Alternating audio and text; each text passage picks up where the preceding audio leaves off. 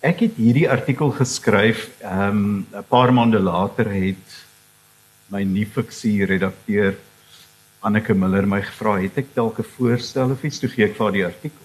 En toe sê hulle hulle sou graag 'n volledige boek daaroor wou hê. Hmm. Nou anders as met ehm um, Jonathan is dit 'n berg inligting of kan mens eerder sê 'n bodemlose put. Hmm. hmm. Daar ek het nooit besef dat dit so wyd verspreide ding is nie, nie net in Suid-Afrika nie, maar in die res van die wêreld oor alle kulture, alle godsdienste, alle rasse kom hierdie ding voor.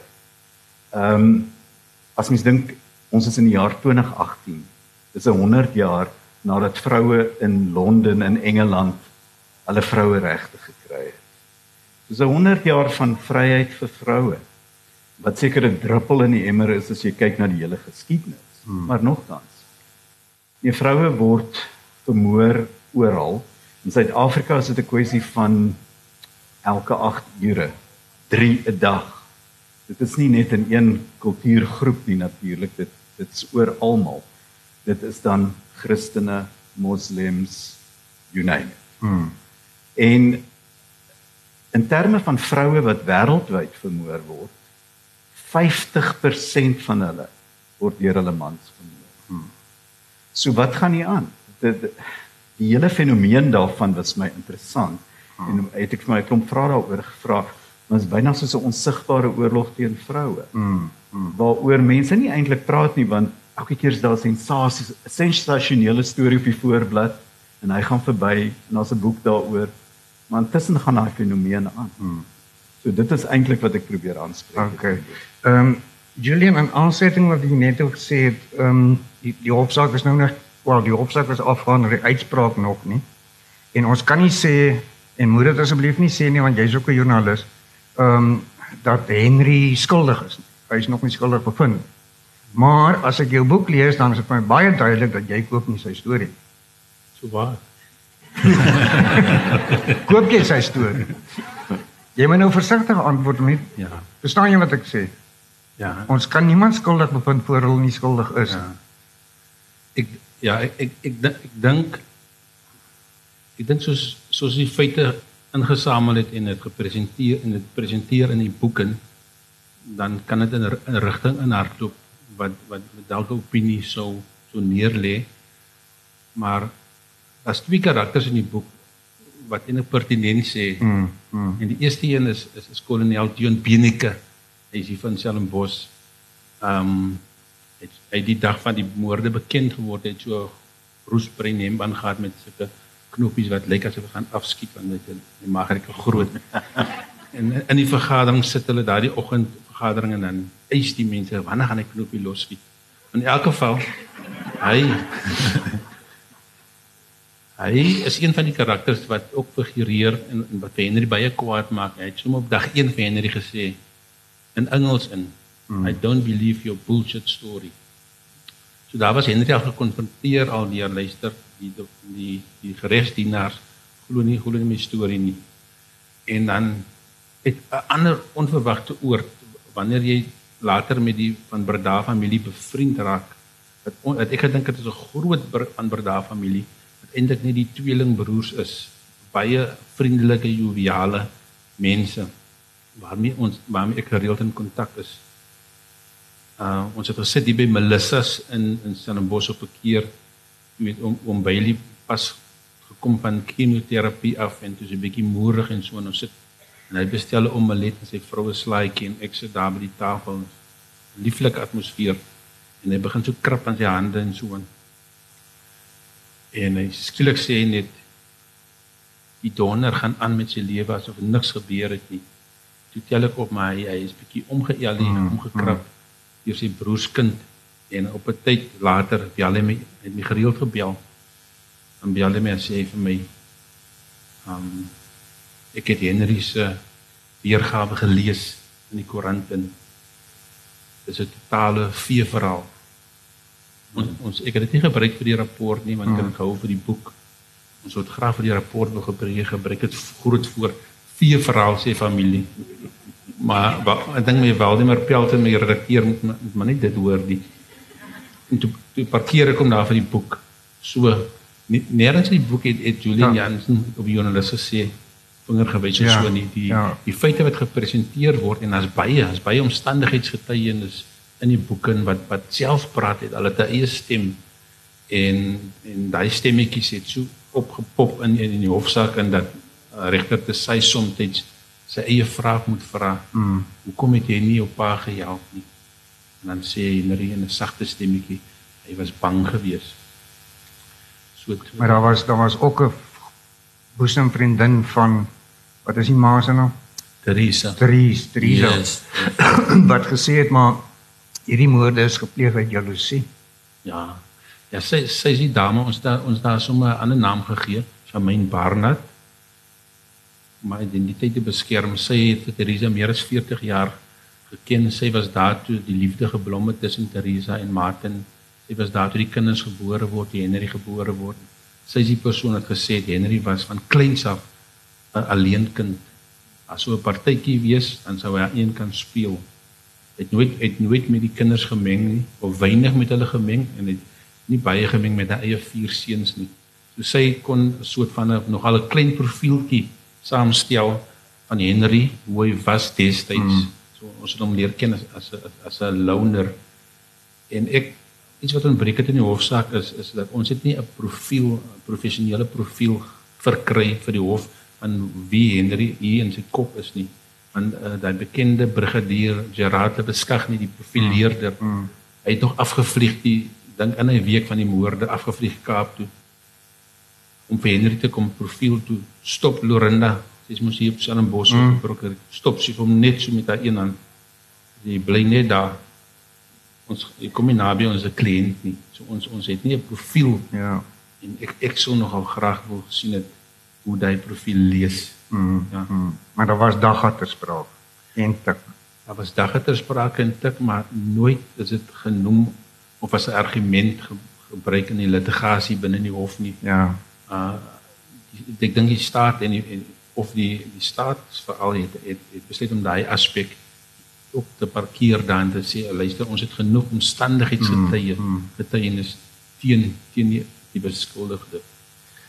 Skal jy het geraak aan aan statistieke, maar hoe algemeen maak kinders hulle ouers dood en hoe algemeen maak mans hulle vroue dood? In terme van kinders wat hulle ouers ehm um, doodmaak het ek nou nie uh, vreeslik navorsing oor gedoen nie. Maar die skokkende feit is is dat so geweldig baie mans die die meeste moorde wat in gesinsverband plaasvind is van die beskermer, van die hoof van die familie. Ja. Ja, daar is heelwat vroue wat hulle mans ook doodmaak, maar wat bevind is is dat dit dikwels is as gevolg van mishandeling in die huis, as gevolg van ehm um, sielkundige geweld, kan mens maar sê, wat wat die persoon daartoe gedryf het. Ja, natuurlik is daar baie ander motiewe ook. Mm. En wat interessant is, is dat daar nie 'n maklike profiel saam te stel is van die man wat sy vrou vermoor. Mm. Ehm um, dit is werklik waar so wyd soos die Heer se genade. Ja. Wat meer algemeen is, is 'n patroon van geweld wat jy kan waarneem Ja. ja. wat taamlik vroeg begin. Selfs na die eerste keer wat daar liefdegemaakte seks seks was, ehm um, wat die geweldpatroon gevestig word. Mm. En dat 'n vrou dan eintlik ook weet dat daar is fout. Mm. Mm. Maar wat sy weer en weer probeer en dink sy kan die man verander. Ja, sy dink sy kan dit regmaak. Ja, so ehm um, ja, meestal die meeste geweld wat daar in 'n huis huislike verband is, is van die man teen die vrou Okay, jy en nie andersom. jou jou boek gaan wyd in terme van ander wêrelddele, ander lande en so. En ons weet dat Suid-Afrika se misdaadsyfer is 5 keer of 6 keer hoër as die wêreldgemiddelde. Het jy gevind dit geld ook vir mans wat hulle vrouens vermoor dat ons eintlik ons mans eintlik meer moordenaars is as in ander wêrelddele. Wel onder die 25 lande wat in 'n peiling ehm um, wat hulle bevind het, ons val onder daai 25 lande in die wêreld waar intieme vrouemoord die ergste is. Okay. So eh, daar is een of ander iets hier ehm um, baie van die kenners skryf dit toe aan 'n patriargale siening dat die man basies voel hy is baas van die huis en hy besit alles daarin. Ja. So hy besit sy vrou soos 'n besitting, ook sy kinders soos 'n besitting Ja. en kan met hulle maak wat hy wil. Ja. So dit is nie altyd baie maklik om te onderskei is dit jaloesie, is dit net beheersiekheid nie. Nee, dit die dag wat jy trou met jou vrou is sy soos sy's joune. Hmm. En niemand anders het 'n sê oor daai persoon nie en ehm um, hulle noem dit die tiran. Daar daar's basies 3 soorte. Daar is die man wat voel hy word verlaat. So sy vrou het verlief geraak op iemand anders en verlaat hom vir iemand. Dit is een van die groot ehm um, groepe. Dan mens maar sê met nog baie onderafdelings onder dit. Die ander een is verraad. Dat sy vrou selfs al verlaat sy hom nie, het sy hom verraai. Hmm. En dat hy voel dit tas sy menswaardigheid aan en sy status en hoe mense hom sien. Dit is die tweede groep. En die derde groep wat 'n baie groot groep is, is die tiran. Waar dan nie noodwendig fisieke geweld in daai situasie plaasvind nie, maar hy um, hy beheer sy vrou so fyn. Dit is 'n sielkundige beheer wat hy oor haar het. Hou hou haar fyn dop. Ehm um, al haar gewoontes op die internet, Facebook en al daai dinge het hy beheer oor. En daai soort van sielkundige geweld kan dan oorgaan in moord. Ja. En jy, jy gebruik die term intieme vroue geweld. Wat vroue Intieme vroue moord, ja. vrou is dit die erkende term deesdae. Dit is reg, ja. En dit sê dan in alle intieme verhoudings. Dit is waar so daar kan ook natuurlik ehm um, maats van dieselfde geslag wees wat onder daai tel maar hulle is minimaal. Okay. Dit is meestal die man op vrou en dan ook in sommige gevalle vrou wat 'n man vermoor. Jy jy noem ja ons is ons wil nie teruggaan na duisende melke toe nie. Hy sê twee van hulle. Ehm um, die Die mans gebruik nooit gif. Dit dit, is snaaks genoeg. Ja, is daar ja. baie min. Behalwe as dit dalk 'n mediese dokter is wat op daai manier probeer om die moord motief te verbloem. Daar was gevalle gevalle mm. daarvan. Okay, maar nou nou nou raak dit net erger as jy 'n byl gebruik. Ja. Ehm um, byl is 'n is 'n baie dis nie 'n afstandswapen nie. Meen jy kan iemand van hier af daar doodskiet, maar jy kan nie iemand Dis 'n van die dis 'n baie intieme moordwapen. Ehm um, en dit voel vir my, ek weet nie of dit nogals algemeen is. Andre, as ek gou iets daaroor kan sê, um, een van die hoofstukke in my boek gaan oor metodes wat mans gebruik om hulle vroue te vermoor. En dit is weer eens so gevarieer. Mm. Uh meestal is dit revolvers. Daar is ook messe, so iemand wat net as dit 'n passiemoord is, net daai mes uit die kombuis laai vat en sy vrou 12 keer tot Ja. 40 keer steek Mm. daarmee in 'n onbeheerste woedebui. Maar verder die vreemdste wapens, pylgewere, byle, um 'n toiletbak se deksel waarmee die vrou oor die kop geslaan is. Of 'n beeltjie soos Cowan destyds. Ja, of 'n stof selfs 'n stofsuierpyp waarmee iemand verwrig is. Ja, die vreemdste, die vreemdste wapens. Daar was 'n lugmagkolonel in uh, KwaZulu-Natal wat sy vrou met twee handgranate in die kombuis opgeblaas het. Mm. So uh, ja, daar is net sulke v- dit is daai tipiese ding van dat die werklikheid is soveel vreemder Mm. as fiksie, goed wat jy nie kan uitdink. Ja. Is is julle nog met ons hierso? Julle wil nie uitkruip nie. Het wa, het ons 'n mikrofoon of werk dit so nie? Is ek ja, Yes.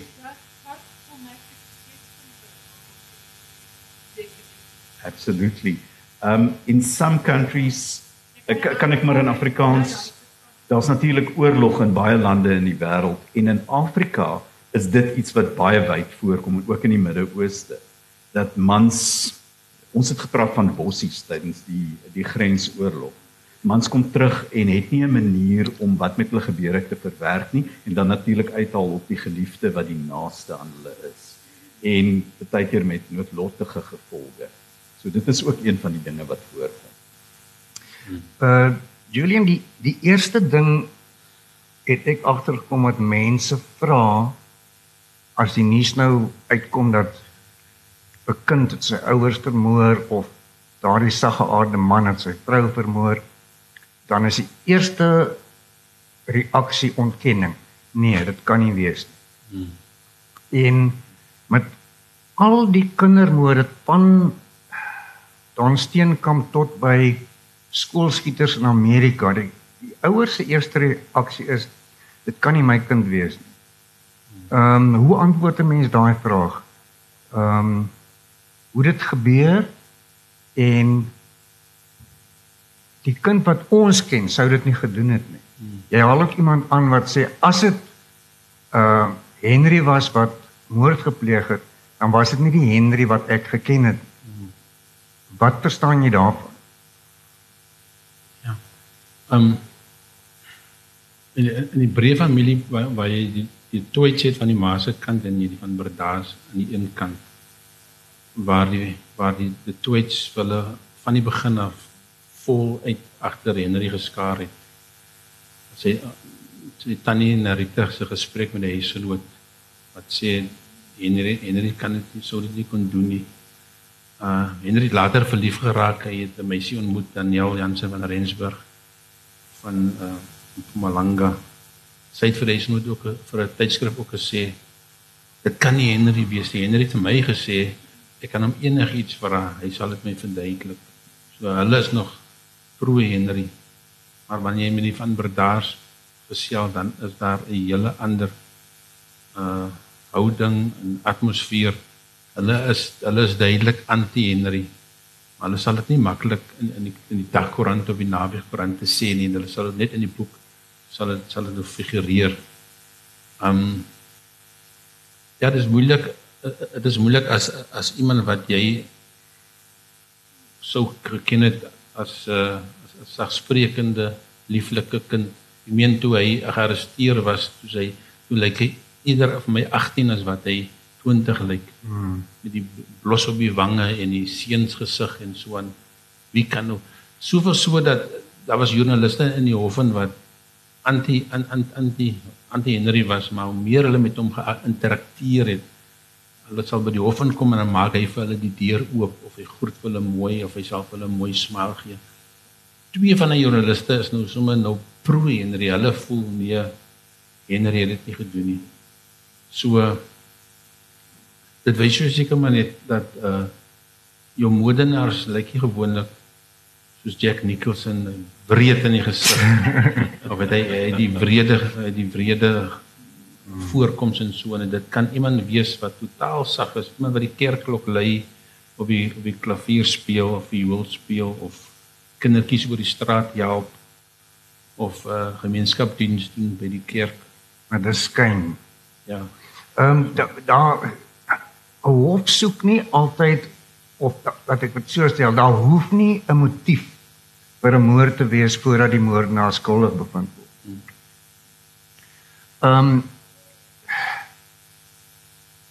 Wat sou die motief wees van iemand en dit kan nou weer wydloop wat sy vrou doodmaak of die kind wat sy ouers doodmaak. Don Steenkamp dink ek nou aan daar nooit 'n motief uitgekom hoekom hy dit gedoen het nie. Daar was spekulasie oor hmm.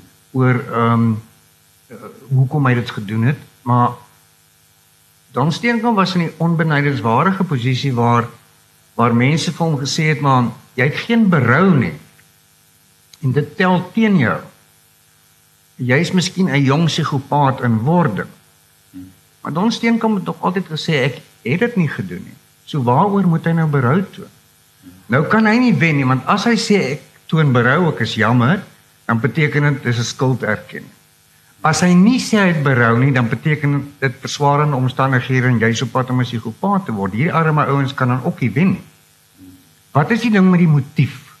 Ehm um, Wat laat mense dit doen? Jy het al aangeraak met jaloesie en et cetera, maar wat is die die beweegrede daar agter?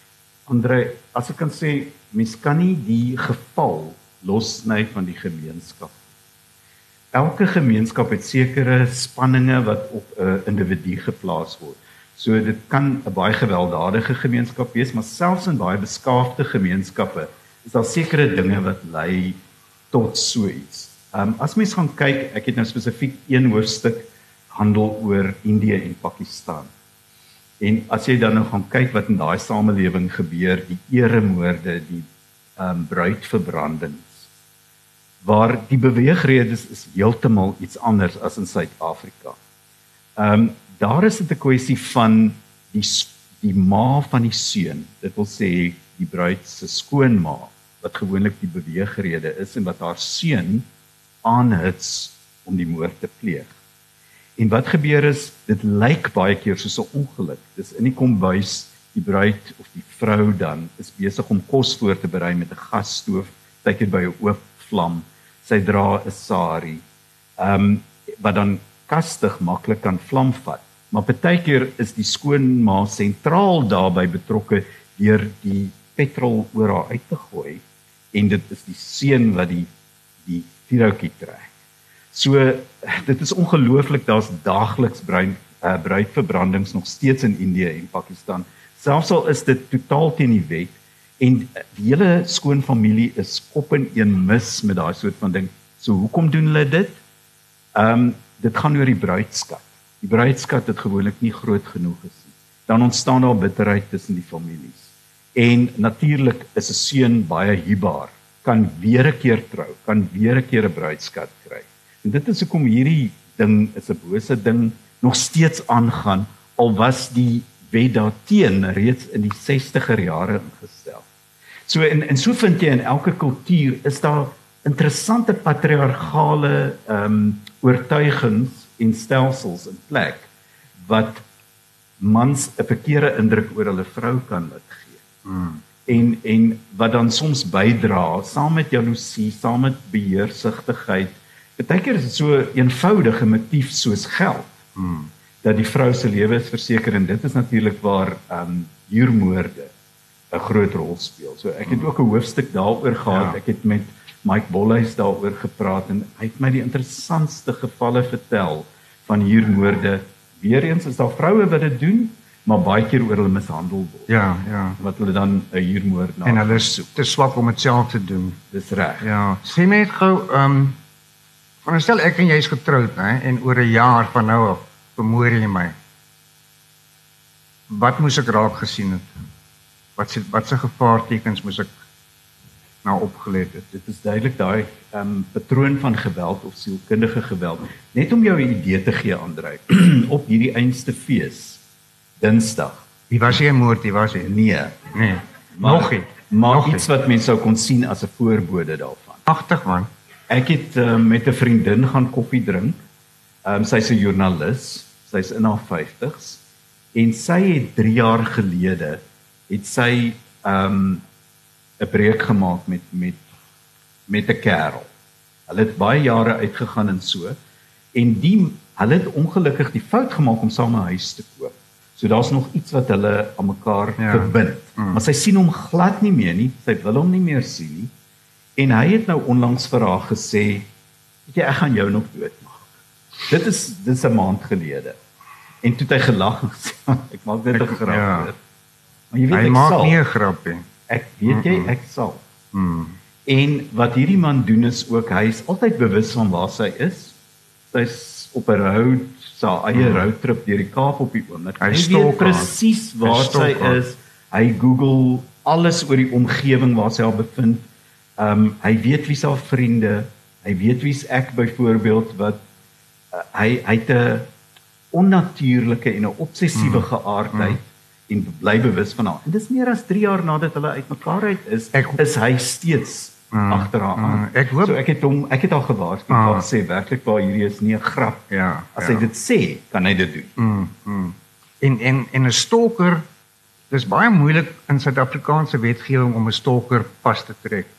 Ehm um, ons het wette wat dit verbied. Maar nou hoe sê jy vir die polisie luister hier's 'n ou buitekant my slaapkamervenster en hy kyk vir my dan sê die polisie maar wat het hy gedoen? Nee, hy het niks gedoen nie. Sy so, nou maar mevrou, wat wil jy met ons doen? Ehm um, so dis da ons wetgewing maak wel voorsiening dat die polisie iets kan doen. As jy oorkant op pad staan en na iemand kyk, dan betree jy. Ehm um, maar dit is baie moeilik om in 'n hof te gaan bewys, kyk, hierdie ou was van plan om die vrou dood te maak. Ehm um, hy sê maar ek staan maar net hier en kyk vir haar. Wat is nou verkeerd daarmee? Maar soos hierdie geval, uh, As Dis ek 'n daai duidelike dreigement. as ek daai vrou was, was ek bloody bang. Ja. Wel sy's nou uit daai huis uit. Sy het 'n ander huis gekoop waarvan hy nie die adres ken nie. So gaan- maar natuurlik gaan hy haar soek. Hy gaan dit uitvind. Hoe beskerm vrouens en mans hulle self teen perpetrators? Wat is dit in Afrikaans? Luisteraars, aanvalle. wat ook al, ja. Vrede. Wat wat wat kan jy eintlik doen? En dan mense moet nou ook in ag neem dat dat vrouens is fisiek nie so sterk soos mans nie. Ehm um, Ja. En soos daai vrou, ek meen dis 'n thriller. Wat kan daai vrou doen om haarself te beskerm? Jy jy het agter in jou boek het jy soort van 'n 'n hoofstuk wat sê doen dit, doen dit, doen dit. Die belangrikste ding natuurlik is om 'n interdikt te laat uitneem om ook ehm um, te sorg dat vuurwapens uit die huis verwyder word. Want waar daar vuurwapen is, kan dit gebruik word. Ek sê om jou in die rede te val, as jy as jy 'n interdikt wil hê, dan het jy nie 'n prokureur nodig nie. Jy stap eenvoudig by 'n polisiekantoor in en jy sê ek soek 'n interdikt teen dit en daai ou en daai. Dit is soos ons weet werk, jy kan dit doen as dit nodig is. Sorry. Maar Andre, die slegte nuus is ongelukkig ook dat interdikte nie Werk nie. behoorlik toegepas Ja. word nie. Mm. Dat die polisie weet daarvan, maar volg dit nie op nie. Dis ongelukkig die die ware aard van daai situasie. Ehm um, miskien omdat ons in so 'n gewelddadige samelewing is en daar net soveel ander meer dwingende goed is wat wat aandag moet kry. Ja, ja. Ehm um, maar het oor en oor gevind dat die polisie tekortskiet in daardie opsig. Die belangrikste sou wees 'n vrou moet haar gut feeling vertrou oor iets. As daar 'n insident of twee was, dan moet sy weet die beste. En sy moet vir haar 'n ontsnappingsroete beplan. Sy moet 'n vriendin hê waarvan die man of die minnaar nie weet nie. 'n plek waarheen sy 'n veilige plek waarheen sy kan gaan en waarheen sy op kort kennisgewing kan gaan. Sy moet haar eie stel sleutels hê vir die huis en die kerk. Sy moet 'n tassie hê wat wat eers gereed staan met haar en die kinders se se goed in, 'n paar noodsaaklike goedjies. Sy moet 'n rekening hê, 'n spaarrekening waarvan haar man nie weet nie, sodat sy nie totaal sonder 'n heenkome is in in terme van geld nie. Jy weet daar's nog baie sulke dinge wat sy kan doen en snaaks nog mense het baie lank en diep oor hierdie goed gedink omdat dit so 'n realiteit is in die wêreld. Uh Julian wat is die voortekens vir ouers ehm um, dat daar 'n probleem kan wees met hulle kind of hulle kinders want want ek vermoed geen ja nee nie geen nie. Die meeste ouers wat deur hulle kinders doodgemaak word, het dit nie vermoed nie. Hulle het dit nie sien kom nie. Ehm um, ek het nou 'n paar stukke gelees oor aangenome kinders wat wat probleme ontwikkel en wat die ouers dan die kind wil teruggee. En in Amerika is dit 'n groot ding, dit is 'n groot morele vraagstuk en die die ma wat die kind wil teruggee, ehm um, word soort van die die die slagoffer van van almal se vingers. Ehm um, nou dis nie maklik om 'n aangenome kind terug te gee nie, maar dis nog moeiliker om jou eie kind terug te gee want vir wie gee jy die blerrie kind terug?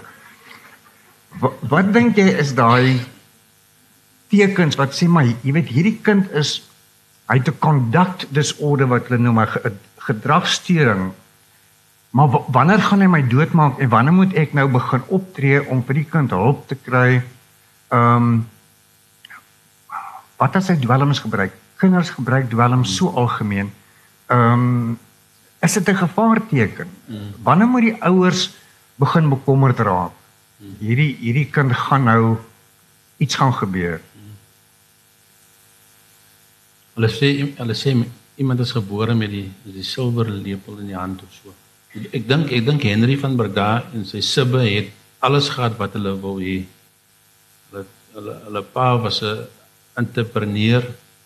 Hy het hy wou hy wou die land beveilig. Het, hy het die Telstar, hy het hy, hy voertuigopsporings megan konsep het hy uitgedink en hy wil sy deel bydra om die land veilig te maak. Um sy kinders het alles gehad wat hulle wou gehad het en hulle gereeld gaan vakansie hou en daar was foto's van hoe lekker dit gaan en so aan. Um my my vraag is 'n goeie vraag wat jy vra want my vraag is het Martin van Berda begin optel dat daar iets fout is of het of het dat hy so besig was om die land veiliger te maak om om om om om skole te bou om die opvoedingsstelsel te verbeter om kwaliteit onderwys vir die land se se kinders te gee. Maar ek altyd gewonder het hy nie op 'n manier van sy seun vergeet nie. Rudy was die presteerder uh, sê Michelle van der ba, van der uh, Barnard en toe kom Henry en net kort na Henry terwyl ons nog aandag gee vir Henry toe kom ehm um, Marley. Marley, die oulikste skattigste babatjie. Toe word die aandag weer verskuif na Marley toe en Henry in die middel. Nie te sê dat middelkinders probleme moet wees of of so as as die middelkinders is nie. Maar maar ek dink eers eers het Martin van Perda sy seun verloor. Uh dan manifesteer dit waar 'n kind begin eksperimenteer. Ons wil nou nog weet hoekom met Henry huis toe gekom in die middel van van die akademiese jaar 2014 September maand land hy nou hier op die lughawe aan. Die maal kom al vir hom en hy is by die huis. Want aan hoor jy agterna hy en hy en uh, uh, Rudy het geëksperimenteer met dwelms oor see, maar Rudy het betyds opgehou. Nou daar's gerugte dat hy uitgeskop is deur die universiteitsowerhede omdat daar 'n voorval met dwelms na bewering was. Toe word hy huis toe gepos. En nou kom hy by die huis en hy sit by die huis hy, op die zaalse en hy, hy, hy begin nou weer hy soek die plekke afsetgebiede vir vir 'n dwelm dwelm of 'n daggepalletjie of iets. Oor oor kan die R44 is is is, is die Stellenbosch skoue winkelsentrum en dan net so oor kan die pad is daar informele nedersetting wat genoem is Kreefgat. En dit is na bewering daar waar hy sy sy sy sy dwelms gaan koop het. Ons het gepraat met iemand wat op die dag van by die gekry het daarso en met hom gepraat het en hy sou die dwelms verskaf het. Maar Henry het baie probleme gegee by die huis. Het ons by bronne gehoor. Het sy het, het, het sy ma eintlik ook slapelose nagte gegee. Die ma moes in die in die aande glo met 'n nurse wat in die straat woon aan pilletjies kry dat hy net kan slaap. Hy het baie uh, uh, risies gehad met sy pa. Die versorger van van Martin die die die oud oud televisie Martin Lok Martin Lok. Dankie Martin Lok wat langsaan woon die buurman. Sy versorger Dolores van Wyk het aan my vertel hoe sy vele male gesien het onder onsies tussen Martin en Henry.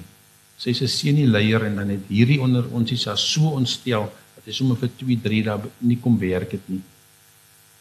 En dan vertel sy vir my dat waar sy soms gaan klop het langs aan en Henry een keer die deur oopgemaak toe skrik sy so groot vir die spook wat daar staan want toe sy in ook op 'n haai en hy lyk toe verskriklik die mekaar toe hardloop sy terug om na Martin Lok se huis toe.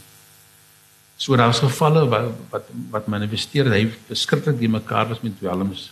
Um hy het vir die huishulp 'n lelike woorde toegesnou onder hulle rokke uitgepraat en so aan toe toe publiseer die rapport so 'n storie en die maandag toe bel 'n dame hier van welgevonden winkelsentrum te sê hy was een keer op daar gewees dronk aangekom 'n kar uitgespring sy gulp afge, afgetrek en toe ontbloot hy vir hom nou aan die kassiere en dan hy vir hulle nog goedjies so nou moet nou moet Martin wat 'n suksesvolle entrepreneur is 'n besigheidsman is iemand wat sê luister geld is tyd en ons ons ons, ons moet produktief wees. Nou sit hy met 'n seun by die huis wat wat hy weet hy het al vir vir vriende sê ek weet Henry is besig met dwelms.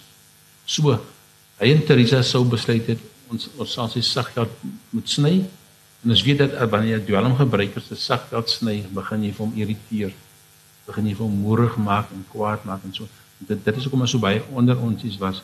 So ons sou kon sê dat daar was 'n aanloop gewees oor tyd in hy 6 maande wat hy daar was kon daar 'n aanloop gewees het dat 'n konfrontasie wees botsing teen gesag met met die ouers en dan kulmineer dit op daardie aand van die 26ste en ons het 'n goeie sterk getuie gehad oor kan die pad Stefanie Optof. Die dag toe sy kom getuig in die hof ek het haar baie van haar gehou want toe ek sien sy kom hier met hy groot handsak op in die trappe toe toe lyk dit soos die antie is hier om te vertel. En en sy het daar gebots met 'n uh, kom bring wat toe duidig die verdediging behartig. En hy probeer vir vertel maar uh, sy sê sy het geraas gehoor en sê kom bring van nee maar dit was 'n DVD wat hulle gekoop het en toe hulle DVD gratis gekry staat trek dit is hulle musiek toe sê sy nee Hansa kon nie arm moenie vir my kom sê dit was Star Trek se musiekie en by the way mans skel nie in Star Trek van die begin vir 2 ure van 10 uur af tot 12 uur toe nie. Ek sê vir jou dit was verhewe stemme geweest. Sy was 'n baie sterk getuie. Sy kon getuig dat daar wel daai daai onmin was daardie aan en en uit daai onmin daai woorde oorlog kon 'n mens die afleiding maak dat daar groot spanning was daardie aand in daai huis geweest. En en die die berigte of gerugte wat jy dit wil noem dat hy daai bylmoordenaar in Amerika gegoogel het. Uh wat is dit? Ehm um, die Porco moorde. Porco. Ja. Ek ek ek het ook die storie gehoor en ek en ek het hom begin skryf en so maar ek ek was nie baie gemaklik daarmee om om dit op die tafel te sit want dit was 'n geweldige interessante storie. Ek het nog nie bewyse gekry van die polisie bronne af om te sê dit is wel op selfone gevind nie waar die porco hy het vir myle gery met so geel jeep. Dan slaan hy sy pa dood met die byl en hy hy slaan sy ma hy maar sy gesig is op opgekrank en die en die ma wil wil toe nie eens getuig teen hom in die hof nie. Uh ek het verdeem van van van dit ja, die, die, op sê tog die ja. dit was interessant vir my ook daar die ma toe die polisie aan 'n soort van begin help en bybring en eerste ding wat hulle uiteraard vra is maar weet jy wie jou aanvaller is en toe noem sy haar seun se naam. En toe later in die hof toe sy moet getuig, toe sê sy nee, dit was nie hy nie. En en sy glo tot vandag toe as sy nog hopelik lewe dat haar seun is onskuldig. En hier lê jy en jy sien jou seun met en die bou kom nader na jou toe en wragtig na die tyd sê jy maar dit was nie my seun nie. Hmm. Oh, het jy nou klaar geantwoord of wil jy nog iets sê?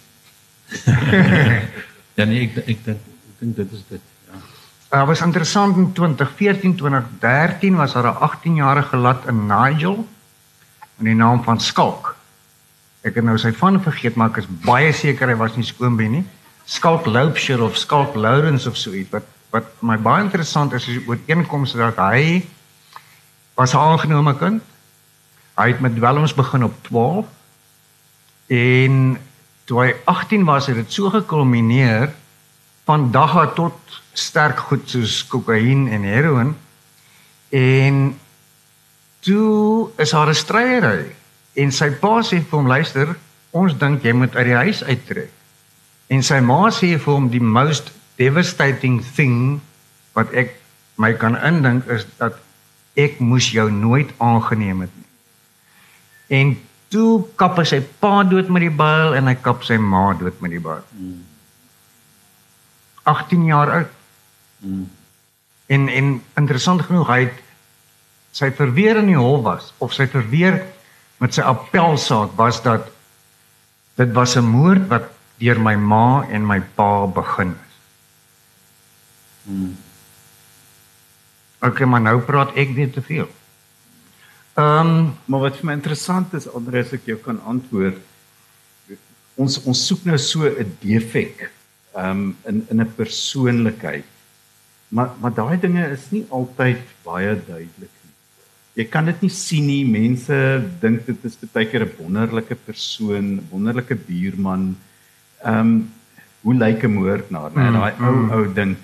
Ehm um, een van die hoofstukke in my boek gaan oor skrywers wat hulle vroue vermoor het. En ek meen die hele fees loop vol skrywers. Yes.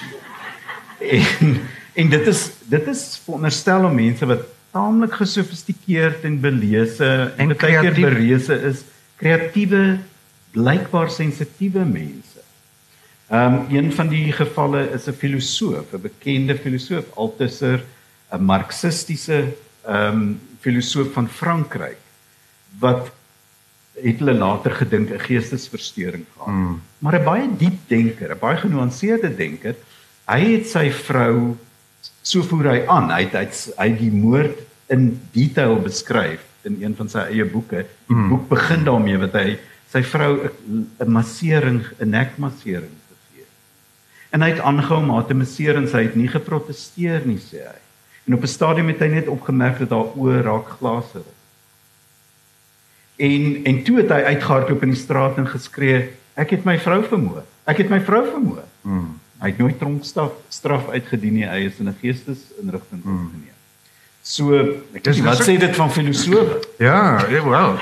Ehm um, wat sê dit van filosofie in die algemeen?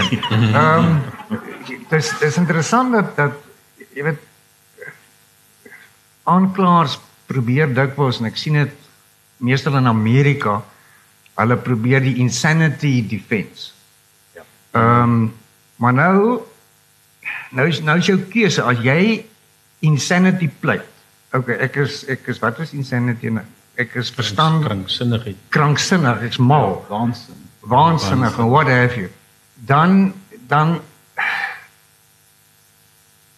as jy gefonnis word sê net maar tot 15 jaar of 20 jaar, wat is nou die beste?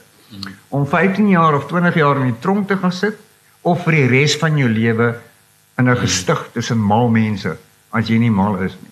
En en ek kan jou sê die binnekant van 'n gestig, ek was nog self nie daar nie, maar net as 'n joernalis, uh is nie mooi nie hoor. Dit is nie mooi nie. Ehm um, okay, ehm um, wat vir my interessant is twee dinge wat ek graag julle mening sal wil hoor.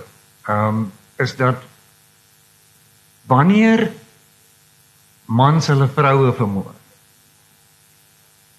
dan is een van hulle verweere is daar was 'n inbreker. Van Oscar tot by Henry van Breda tot by you name it. Nou wat my interesseer is hoekom kom hierdie bliksems nie agter dit werk nie? Want hoe kan jy 'n 'n 'n inbreker hê as daar nie tekens van inbraak is nie? Wat hoe sê vir my hoe dit werk asseblief? Dit is dikwels wanneer die moord nie baie fyn beplan is. Ehm um, wanneer dit miskien 'n ingewing van die oomblik is of daar 'n paar jy weet sulke hmm. oorlog van woorde plaasgevind en dit het 'n breekpunt bereik en so dan skielik daai gedagte van hoe gaan ek dit nou verwoord? Hmm. Hoe hoe wat 'n verskoning gaan ek gee? Natuurlik is dit baie sterk gesetel in ons geweldskultuur. Hmm. Ek dink nie jy gaan wegkom daarmee in Engeland noodwendig en in Europa of selfs Amerika nie. Omdat inbrake is nie so 'n 'n Hmm. 'n wesensfeit daar. Ja. Maar hier natuurlik ons almal het een of ander tyd 'n inbraak Ja, gehad. Ek het ek- ten minste al 3 gehad. Mm, mense wag. So dan dink jy dit is iets wat mense sal glo. Uh iets anders wat hulle aanvoer is is natuurlik ontvoering. Dat jy langs die pad oorval is, gekaap is. Aislinn Nel wat dit gesê het nadat hy sy vrou en twee klein seentjies vermoor het. Hy was 'n polisieman gewees. Um wat sy vrou en kinders met 'n AK47 doodgeskiet het. Hy het dit beplan, maar en hy het dit probeer laat lyk soos 'n kaping langs die pad. Hmm. Nou later gevind dat hy het totaal afgestomp geraak vanweë sy werk. Hy het nie 'n sielkundige gesien enigsins nie. Hy's uit sy eie mond uit het hy soveel dooie mense gesien as wat hy ontbyt in sy lewe gehad. Hmm. So hy het nie 'n manier gehad om hmm. daarmee sal sê te deel nie. Mm, mm. En sy hy het nie beplan regtig om die kinders dood te maak nie, maar sy een kind het so begin skree dat dit was vir hom soos wit kruit teen bord. Mm. En hy en hy kon dit nie uitstaan nie en toe skiet hy die kinders. Die ander vraag is nê as as jy jou vrou doodmaak, hoekom maak jy haar dood? Hoekom skei jy nie net van haar? Dit is Ah, m- miskien sou mens kon sê dat ehm um, jy weet as mens dink aan die Stockholm sindroom en wat dit is is dat daar tussen iemand wat 'n ander persoon gevange hou 'n verhouding ontwikkel en jy vind dit oor die wêreld heen in oorlogssituasies nou hierdie is soos 'n oorlog in die huis as daar 'n oorlog is tussen man en vrou daai stryd tussen die geslagte is daar tog 'n verwikkelde verhouding wat heeltyd plaasvind. Hmm. Daar word verskoning gevra en dan gebeur die patroon weer. Ja. En daar word gepraat en daar word weer probeer. En dit is nie so maklik en eenvoudig en so wit en swart nie. So die vrou vind dikwels dit baie moeilik om haarself weg te skeer uit. Die man dikwels wil nie skei nie. Ehm um, hy wil dit maak werk al weet hy hy het 'n probleem. Hmm. Een van die gevalle wat ek beskryf is van die vrou wat ehm um, uiteindelik het sy haar goed gevat en sy verloop, sy het weggebreek. Sy het geweet sy moet wegkom anders word sy vermoor. En haar man het haar gebel toe sy honderde kilometers weg was en haar gesê hy het vandag uitgevind hy het kanker en sy het op die pad omgedraai en teruggegaan huis toe na hom toe. Mm. En hy het daar vermoor. So sy sy het geweet wat kom. Mm. Mm. Sy het pad gegee, sy het betyds gevlug en hy het nog steeds 'n ding, hy het haar so goed geken dat hy geweet het dis die ding wat haar sal terugbring huis. Mm. Ehm um, ek het ek het 'n teorie oor Henry wat ek nie weet is net 'n teorie. Mm. Dat hy 'n adolescent is met wel 'n probleem. En as jy 'n adolescent vat met onontwikkelde prefrontale korteks, dan het jy 'n probleem. Hoe dink jy daaroor? Kyk jy die, die ons dink 'n adolescent is 18 jaar oud. Hmm. Jy, jou jou jou brein, jou voor die voorste gedeelte van jou brein, boekant jou oë is is die logiese denke en die rasionele vermoëns en et cetera et cetera. Dis hoekom adolessente so risiko neem. Hulle dink nie wat hulle doen nie. Mm. Nou jaag hulle nonsens aan. Ehm um, en en daai prefrontale korteks ontwikkel eers ten volle op tussen 24 en 26. Henry was 20. Ehm um, baie mense selfs tot so oud as 30. Uh jy moenie jy moet versigtig wees om groot besluite te neem alleen as jy onder 30 is. OK? Ehm um, net vir ingeval. Hoe hoe dink jy oor die ding dat ons hier met 'n met 'n onvoltooide brein sit wat dan nou nog oorspoel word met dwelms? En en is net ons hier die periferie en in hier op 'n geleenthede wat wat hierdie belangrike ding oor praat maar wanneer jy in die hof sit dan, dan word dit glad nie aangeraak nie. Um die dwelmgebruik was nooit aangeraak nie. Ja. Die profiel van Henry was nooit gedoen of het nie binne in die hof uh ge, na die oppervlak gekom nie. Niks van daai waar ons 'n kykie hmm. binne homself ja. kon kon kry en ook sy opkoms en opgroei en, en so aan sy optrede en welgevonden teenoor die ander mense sy drank gebruik, sy dwelm gebruik. Sy uitskop aan die ander kant niks van dit het uitgekom nie. Ja. Het, het, het na die hof toe self gekom nie. So ek my my hipotese is dat Henry daardie dag het kop verloor. Soos iemand eendag gesê het, hy het net sy moer gestrip. Hy het hy het heeltemal besurk geraak. En dit is hoe, hoe dit is hoe die boek begin ook. Dat die persoon wat die byl in die hand het daardie nag het net besurg geraak. Hy hy dalk wou dalk wou hy net vir Rudy vermoor het. Toe kom op op op so 'n voerband kom die een na die ander mm. in en soos hulle inkom so word hulle uh stukken gekap. Dalk wou hy net vir vir Rudy. Mm. dalk dalk dalk ons ons weet nie presies wat wat was sy houding heen sy broer nie was dit jaloesie geweest of, of, of wat of was Rudy meer die die die die lieflingskind van, mm, mm. van van die pa wat hy vir Rudy terwyl hy slaap nie gehoue gee en hom agterna na bewering vat hy die bed uit en sleep na na kant toe op die vloer en en daar neer lê. Daar word gesê dat toe toe sy pa die kamer binne storm het sy pa nie vir die aanvaller geduik nie. Paai het vir Rudy geduik.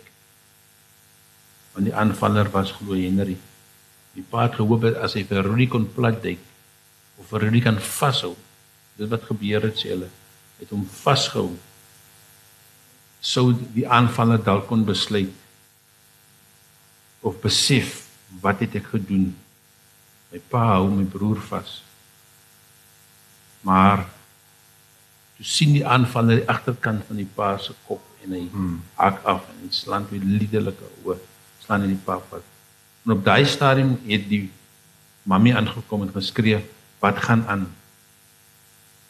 En hy het die ma een hou gegee en sit op haar knieë gesak met 'n agterkop na hom toe. En die grootste wond word dan toegedien met tweede en laaste hou. Dit is 'n foto wat 'n mens een keer kyk en nie weer kyk nie. Wat hy wat hy na bewering aan sy moeder gedoen het. Hoe hy 'n skedel feitelik weggeslaan het, die een deel weggeslaan het. Dis is foto's wat jy nie weer wil kyk nie want dit sal jou altyd bybly. En daarna het, het Marley gekom en hy tinger my siekind het beklei om lewe en dood dit het haar eintlik gered. Sy het 'n broer beklei en ons almal weet, ons dink aan die dag as sy haar geheue sou oorwin, as sy kan in die hof sê en uitwys wie dit was. Maar dan, maar dan dink jy ook weer sou sy geheue herwin later en en en al die trauma spoel terug in haar siege in. Hoe gaan sy dit kan hanteer? Of wil ons moet ons maar bid en sê ons hoop sy gaan nooit haar haar uh geheue herwin nie sodat ons 'n antwoord kan kry van die hofsaak. So nou moet ons op grond van wat ons het in die hof die omstandigheidsgetuie is dit is, is dit gewigtig genoeg, waardevol genoeg om 'n suksesvolle vervolging te kry. Daar is mense wat nou al meer begin sê kans is goed dat Henry kan loop. Wat sê u daarvan? Ehm um, Henry was elke dag in die hof waar was kenmerkend van hom met hierdie veelkleurige dasse, die netjiese pak, die vliegtuigie, die die die skoon gesig jong man. En dan kom hy wragtig by die hof aan met 'n kaal geskeurde kop. Wat 'n soort PR is dit? Genade. Ehm um, en my teorie is dat dit is daai brein, dis daai brein. Hy het nie gedink wat hy bly doen. Hmm. Ek dink hy gee sy regspan ook seker maar 'n bietjie kopseere want want deel deel van 'n regspan se se taak is om hulle kliënt ook te skool om te sê luister as jy hof toe stap en dit het hy baie gereeld gedoen.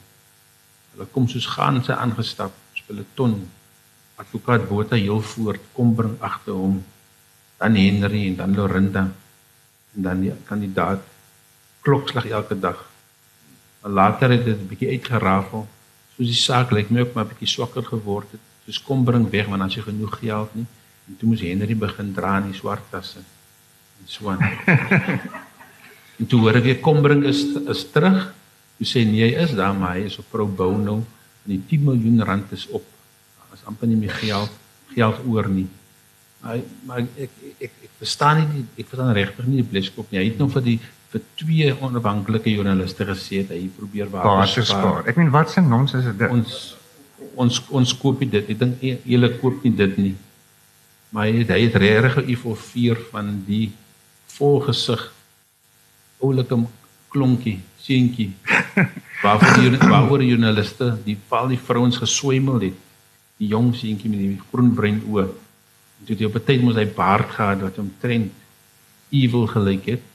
En toe weer agteroor gekam, hy lyk toe sê hulle lyk soos 'n hy verhoor wagtendes daar in Amerika. Dis net sy hare wie mooi seentjie weer. So dan evokeer dit verskillende emosies by die hofgangers en so aan. Maar die bleskop het ons nog 'n bietjie on, onkan gevang want wanneer ons in die hof is dan gulp Daniel in by die by die advokaat se kantoor aan wag sy vir hom daar. So wanneer ons die hof verdag en almal is huis toe, dan kom hulle uit. Dan kry sy vir hom, stap hulle so om en dan en loopsterre bo. Dit sê weer nou pink hare weer, spykie hare. Mm, mm. En so en sy sê ja, maar ook om ter in die horisa, maar is daar in Skotland in. Maar het gesê sy het geweet is Henry nie geweet is daai Henry nie. Ek dog jy waai vir my. Nou sê jy vir my ek moet klaarmaak. Sorry, ek het nou die tyd bietjie misgekyk. Ehm um, twee vrae, dan is ons klaar. Daar's een.